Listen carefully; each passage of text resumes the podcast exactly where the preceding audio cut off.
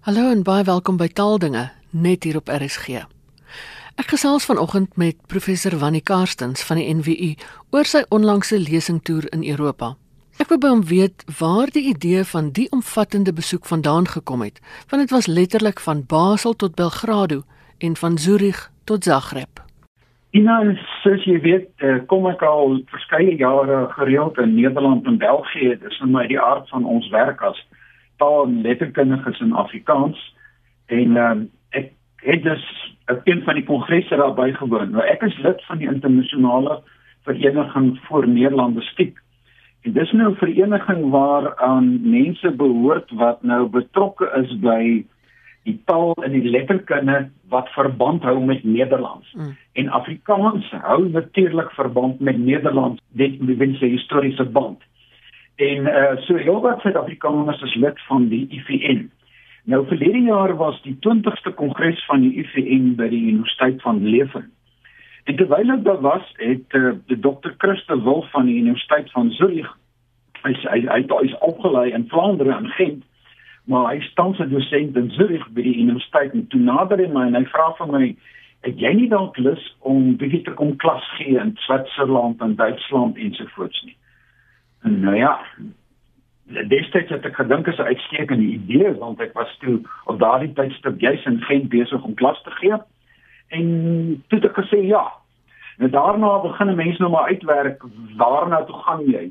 En Chris het 'n baie baie uitnodiging gestuur aan 'n klomp universiteite in Switserland en Oostenryk en Duitsland uh, ensovoorts om te hoor waar die belangstelling is. En uiteindelik het die toer so uitgeval dat ek al trend uh, 9 universiteite besoek het. Uh en dit is dan oor 5 lande. En dit was nogal 'n logistiese nagmerrie want jy moet uitwerk dat jy nie onnodig heen en weer ry nie want die afstande is groot. Ja. So, dit het by 'n onskuldige versoek begin. Ek het gedink dis oulik en ek het gesê ja, maar die werklikheid was bietjie anders as wat ek gedink het hoor. ek wil nou juist hoor hoe het dit verloop want benewens die uh, lande wat mens kan die logika verklaar Switserland en Duitsland en Nederland en so was daar ook Servië en Kroasie. So ek sou graag wil hoor hoe dit dit verloop en watter soort kursus prof aangebied het. Ja, wie ek het uh, op versoek van die mense, ek het vooraf vir die mense gevra waarom stel julle belang? Hulle het my breë aanduiding gegee en ek het so 'n lysie van omtrent 14 temas deurgegee waarin ek gesê het vir die mense moet nou maar selekteer en ek kan miskien net vir jou 'n aanduiding gee van die breë temas. Mm. Dit het maar gegaan oor uh, Afrikaans en Nederlands eenders maar anders vergelykend of die verwantskap tussen Afrikaans en Nederlands, die storie van Afrikaans uit Europa en van Afrika. Ja. Ek het gepraat oor teorieë oor die herkoms van Afrikaans, oor Afrikaans as taal van Afrika. Suid-Afrika en taalpolitiek, die geval van Afrikaans. En dan die kwessie van meertaligheid in Afrikaans. En uh, ek ek wou graag praat oor versoening in Afrikaans en daar het ek net beperkte geleenthede gekry. 'n mens het belang gestel oor hoe skryf 'n mens 'n taal se geskiedenis daaroor het ek gepraat. Ek het gepraat oor die verskeidenheid in Afrikaans, oor die normatiewe taalkunde. En ek het selfs gevra om 'n inleidende lesing oor die Afrikaanse letterkunde te gee. Nou ja, my kennis oor die Afrikaanse letterkunde is uiters beperk, maar soos hulle gesê het, Afrikaans is nie vir sissies nie. So ek het 'n baie breë oorsig gegee. En uiteindelik het ek met die mense ooreengekom dat dit mag gaan oor oorsigte. Want weet jy dit is almal mense, die studente en ek sal nou 'n bietjie meer inligting daaroor gee. Dit is almal studente in Nederland besteek met 'n baie beperkte kennis van Suid-Afrika. Ja. So dit help nie jy gaan daar en jy bied detail inligting aan nie. Ek moet die geleentheid benut om bietjie inligting oor Afrikaans te versprei en dan ook inligting oor Suid-Afrika. So ek moes optree as 'n ambassadeur vir Afrikaans en natuurlik vir Suid-Afrika. Want vir baie van die studente was ek nou die eerste Afrikaans sprekende persoon met wie hulle werklik te doen gehad het in lewende lywe. En dit was ook nogal al moeilik, jy weet, want jy weet jy het 'n jy het 'n belangrike verpligting wat jy moes doen. So, dit was inleidend, oorsigtelik.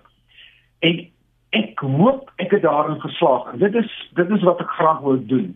Maar verskeie van die lesings moet ek ook in Engels aanbied. O oh ja. Heel wat van die lesings het ek in Afrikaans aangebied, maar dan het ek nou regtig in soos jy in Nederlanders sê 'n tragere standaard Afrikaans gepraat, stadige standaard Afrikaans baie mooi geformuleer. Hmm. Dat die mense my kon hoor en my konstant gevra hoe volg jy.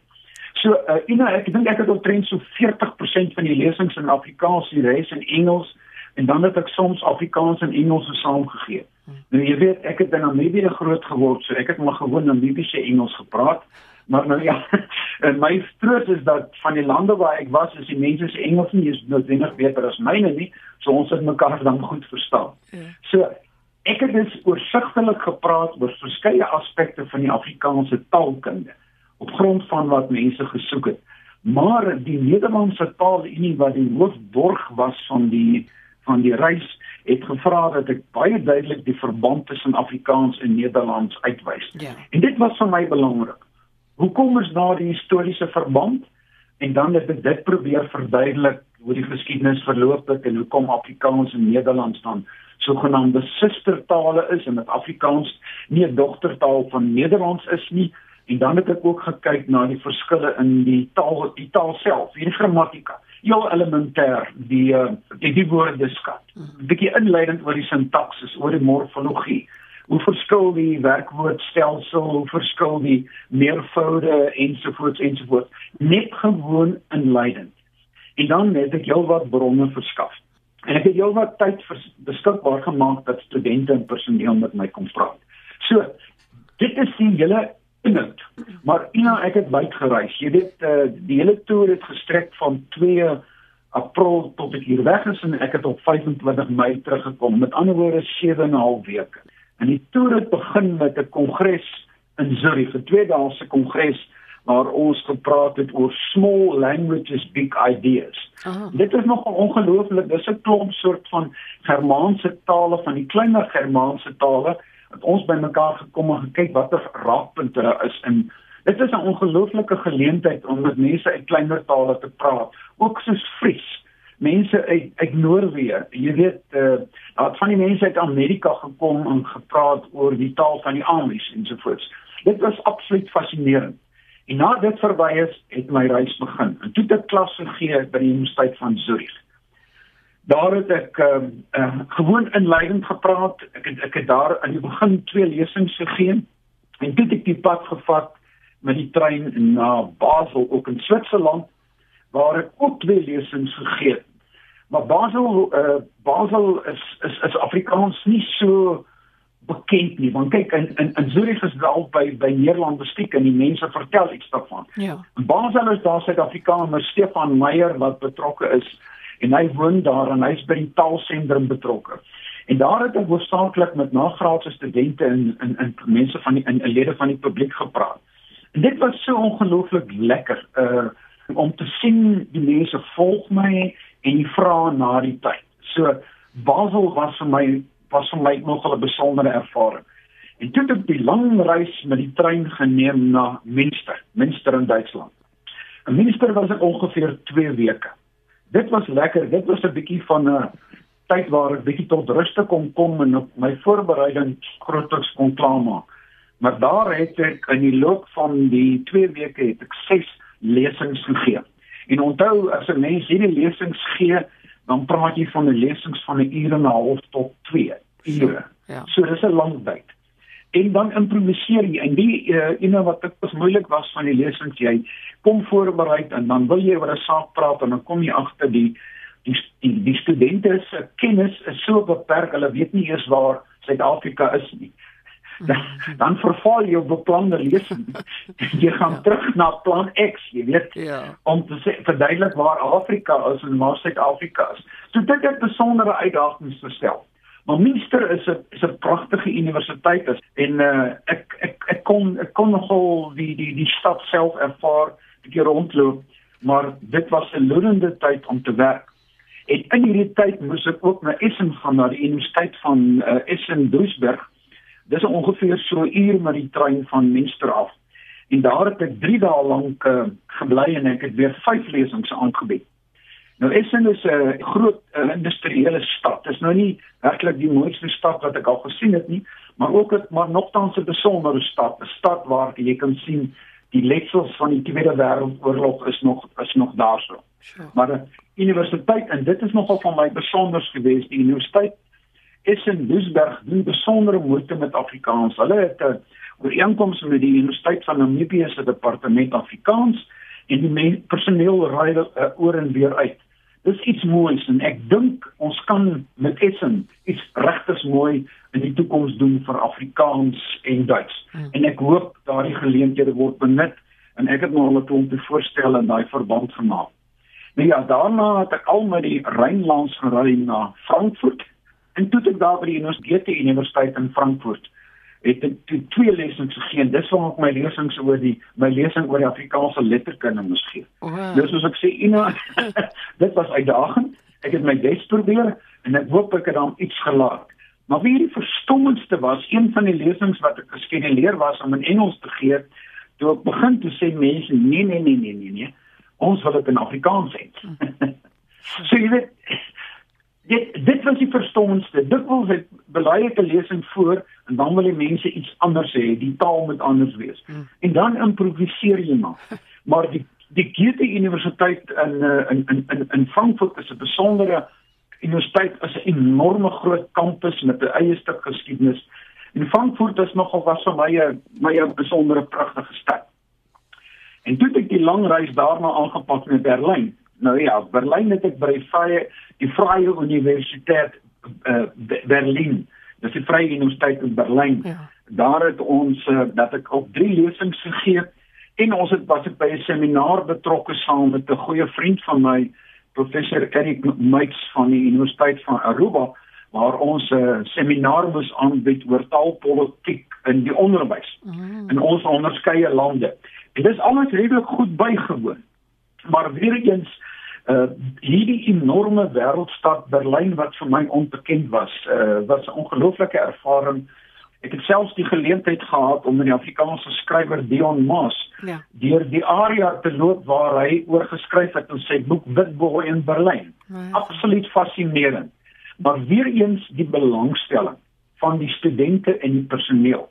Dit was lekker. Dit was lekker en jy kan kennis versprei. Daarna uh, is ek na Wene. In Wene was ek bykans 'n week.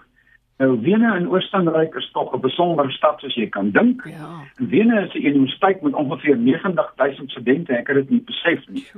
Waar ek uiteindelik ehm um, drie lesings gegee. Hm. Jy weet, en hulle was almal in, in in Engels.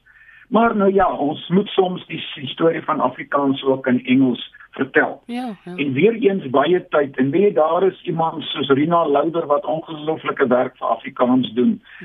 En, en daar's bietjie druk op die departement neer, Nederlandistiek daarso om aan die universiteit te herstruktureer en ons is tog bietjie bekommerd dat Afrikaans en Nederlands in die slag kan bly.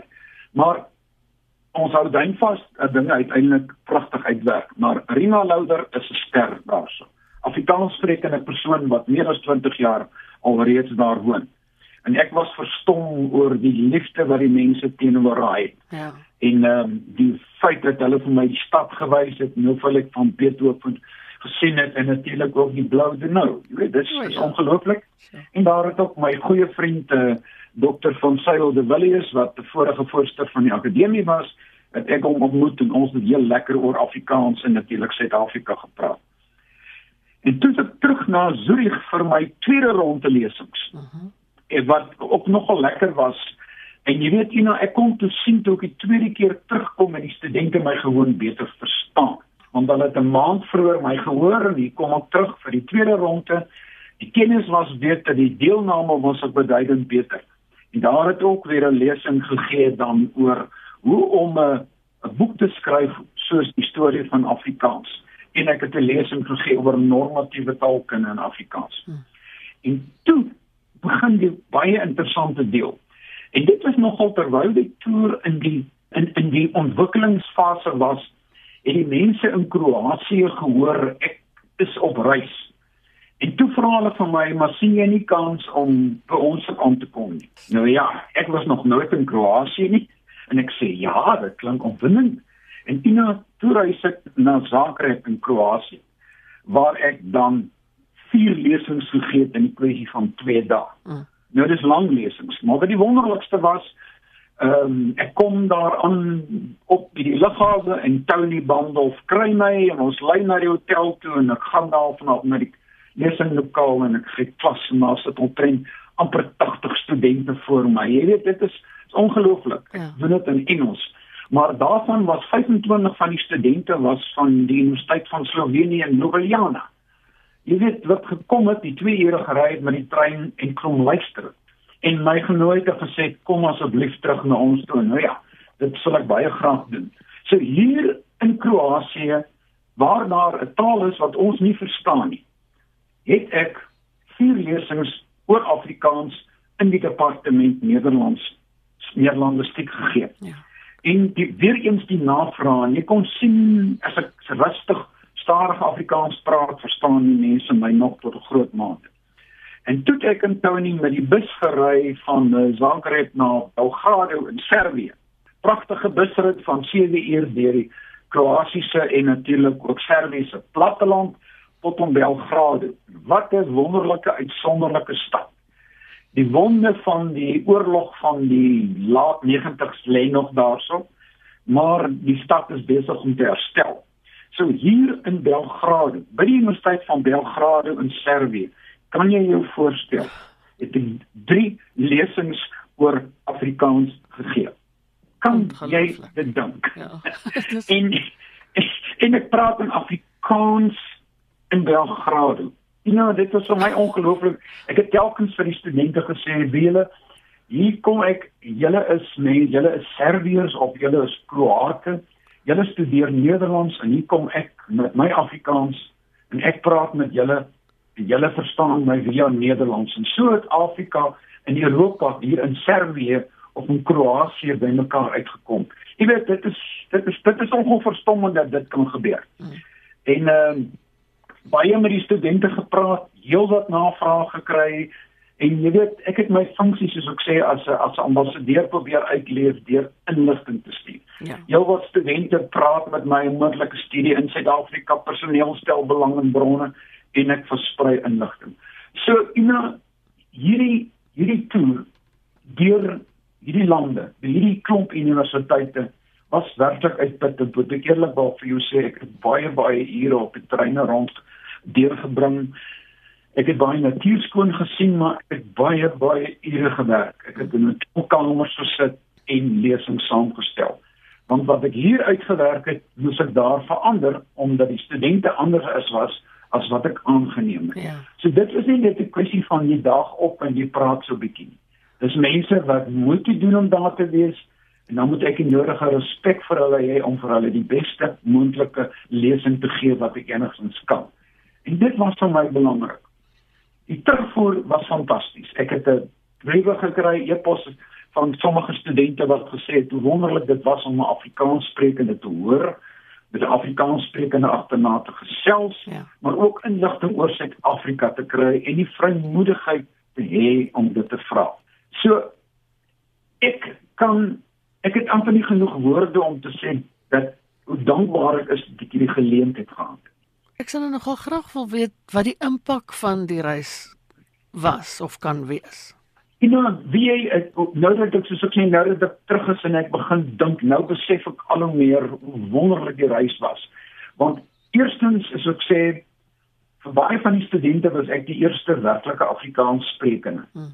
Nou my akademiese rekord is sodanig in die publikasies is dat hulle sinvol gedink het dis sinvol dat ek so 'n bietjie daar kon praat. So dit was nog vir my lekker in die einde van my loopbaan om dit te doen. So ek het my bes gedoen om die kennis wat ek het oor te dra. So ek het as 'n ambassadeur vir Afrikaans en waar ek kon ook vir Suid-Afrika opgetree. Maar hierdie studente het via my kontak gemaak met 'n ander kontinent. Ja. Hulle het besef dat hulle studie van Nederlands vir hulle deure oopmaak. Jy weet dat Nederlands nie net na Wes-Europa gaan nie, maar via Nederlands daar ook deure na Afrika kan gaan selfs na Namibië. Dit was ongelooflik.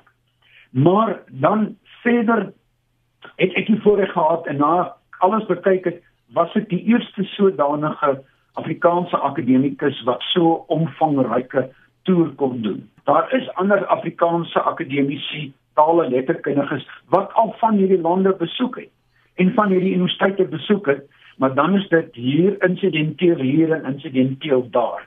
Dit is nie 'n omvangryke reis van punt A tot punt B nie. En dit is nou opsig dink ek bietjie van 'n pioniersreis. En ek voel trots daarop. Um, ek het altyd gesê ek hoop dit word herhaal. Ek hoop daar is weer 'n borg wat kom. En ek dink die volgende keer moet waarskynlik 'n letterkundige gaan en dan 'n volgende keer kan weer 'n taalkundige gaan. Hmm.